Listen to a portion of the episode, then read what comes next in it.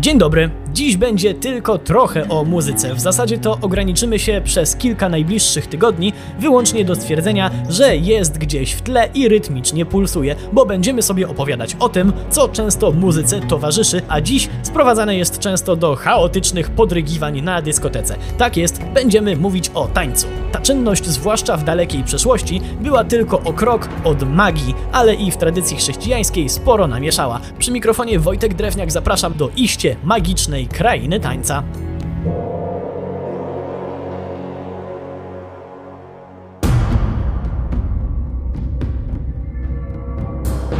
Naturalnie zacząć musimy od tego, że my, ludzie, nie możemy sobie zawłaszczyć tańca tylko dla siebie, bo jest on starszy niż ludzie, a zwierzęta tańczą od niepamiętnych czasów. Nie tylko, żeby zachęcić potencjalną drugą połówkę, ale na przykład, co już wiemy z jednego z naszych naukowych spotkań, żeby przekazywać sobie informacje, gdzie jest dużo jedzenia. A zatem można uznać taniec za pierwszy język świata, starszy od ludzi, ale to dopiero nasi przodkowie zrobili z niego sztukę, przez tysiące lat związaną z kulturą i magią.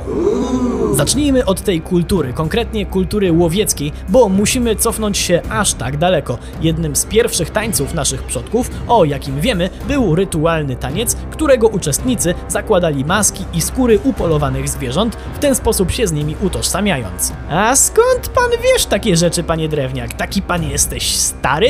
No nie, ale może faktycznie się wytłumaczę, że tę wiedzę czerpiemy z najstarszych malowideł w jaskiniach w północnej Hiszpanii i we Francji. One też są dowodem na to, że taniec odrobinę zmieniał się, kiedy ludzie nauczyli się uprawy roli i trochę już osiedli. Jednak rola tańca nadal była ogromna. Taniec był portalem do magicznego świata.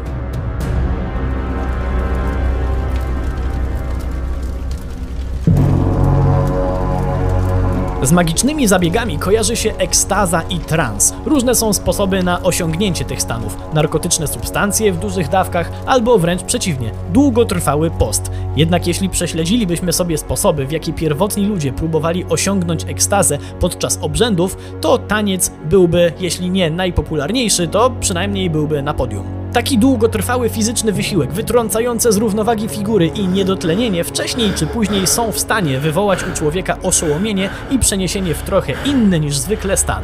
Ja tam nie próbowałem, ale nasi przodkowie w takim tanecznym transie mieli się ponoć porozumiewać z istotami spoza naszego świata, wypędzać złe duchy, ale też nabierać umiejętności umożliwiające im leczenie chorych. Taniec był też nieodłącznym elementem składania ofiar. Z czasem jednak taniec przestał być tylko drogą do ekstazy. Każdy ruch nabierał znaczenia. Najlepszym przykładem niech tutaj będą Chiny. Tam też pantomimiczne tańce były związane z kultem płodności i przodków, ale gesty były tak wymowne, że przy ich pomocy można było opowiadać całe historie. Powstał teatr chiński. Ciężko go polubić i zrozumieć, ale trzeba szanować. Ale może są jakieś bliższe nam przykłady? No pewnie, wystarczy sięgnąć do starożytnej Grecji. Święto ku czci Dionizosa nie mogłoby się odbyć bez szalonych i dość frywolnych czasem tańców. No ale co tu się dziwić, skoro Dionizos to bóg między innymi wina. Tak czy inaczej, to z tego obrzędu wywodzi się grecka tragedia. A co się stało z magiczną rolą tańca, kiedy pojawiło się chrześcijaństwo?